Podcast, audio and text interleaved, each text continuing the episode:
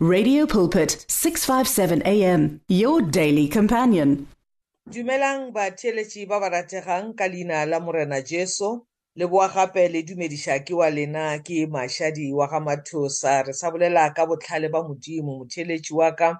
We need to make sure gore ngwaga o sa thoma we embrace the wisdom of god because the bible says if we do so the wisdom of God will bring us honor. Ke Proverbs chapter 4, verse 8. Or she will bring you honor when you embrace her.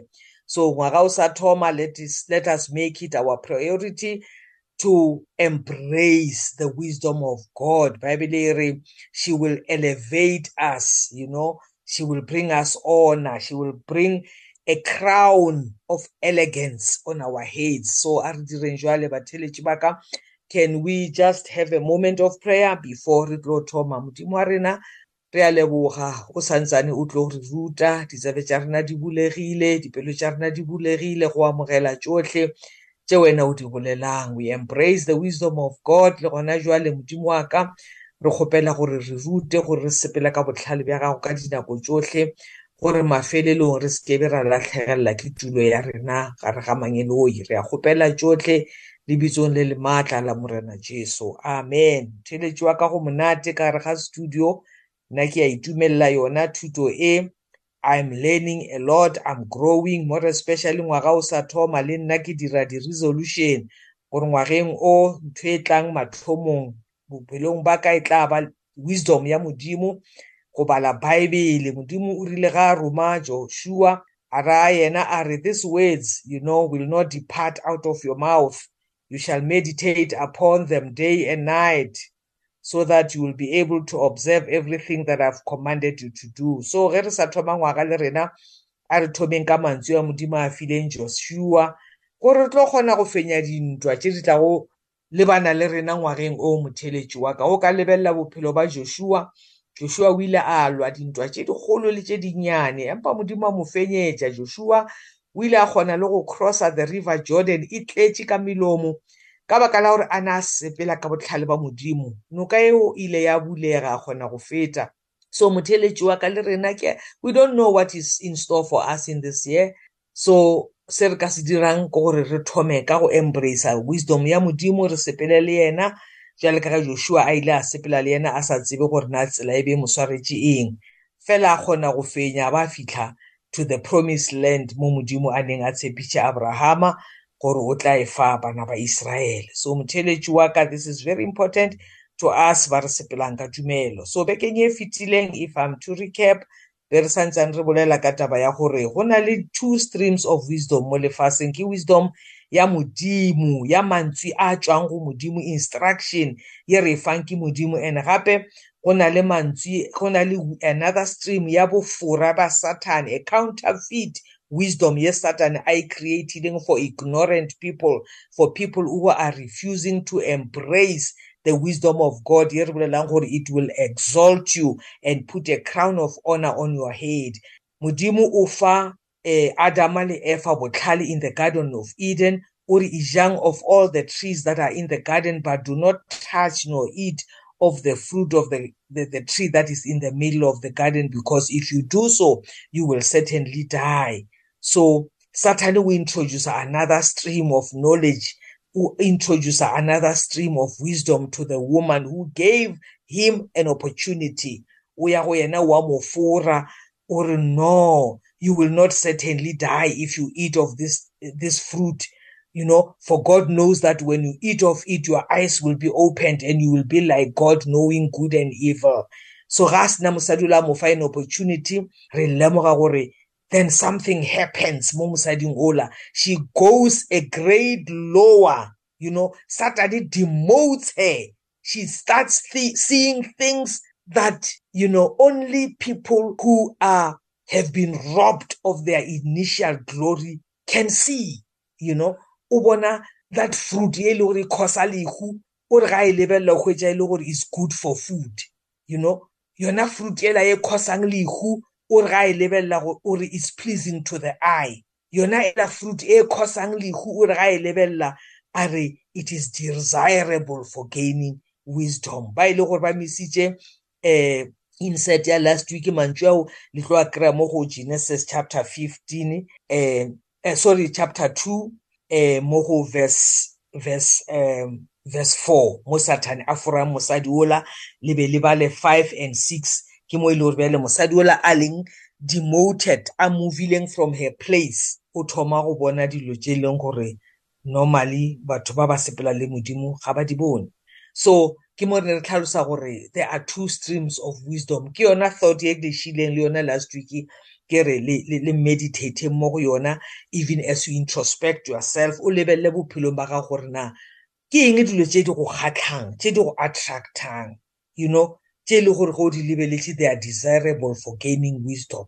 Ke mo o tlo bonang gore o sepela ka botlhale ba modimo goba o sepela ka botlhale bja lefase na? Gobane go o sepela ka botlhale ba lefase you are definitely going to lose your position ye modimo a go fileng yona go swana le ka mokgwa e leng gore mosadi o ile a loser position ya gage. Right.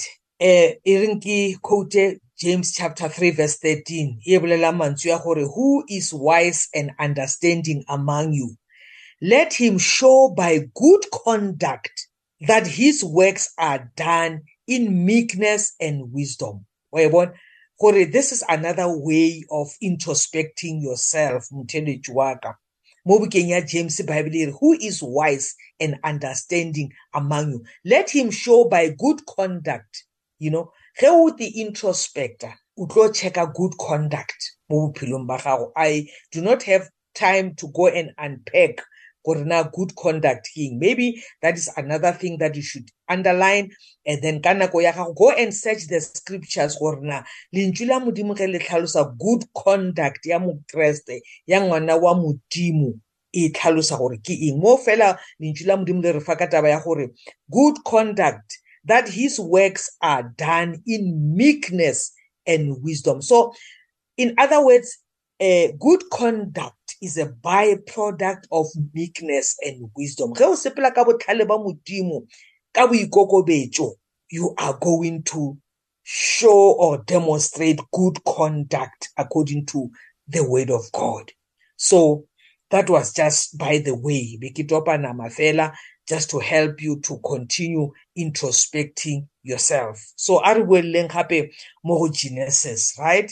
So bible e re ge mosadi ola a sene a bona gore the fruit was good for food and pleasing to the eye and desirable for gaining wisdom.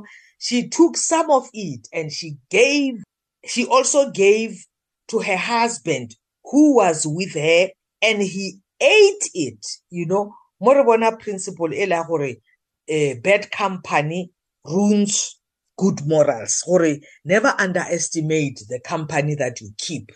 Nako nngwe wena o ipotsa gore no nna i'm a christian i'm a born again child of god. Batho ba hae nna le bona we work together or eh bana ba rena ba tsena sekolo se tee or whatever you know bad company. That is what the bible of the bible is saying. It ruins good morals. Mo efa o forane le satane but because she was with her husband bible she also gave some to her husband who was with her. And then bible ga mofa monna ola simply ate that fruit knowing very well what god had said. But because he had bad influence in her life the wife was able to influence him to go against the principles of god. And bible the man ate it. Then the eyes of both of them were opened. Because they were operating at a lower level now. They had lost their position that God had given them. They were now operating at a lower level.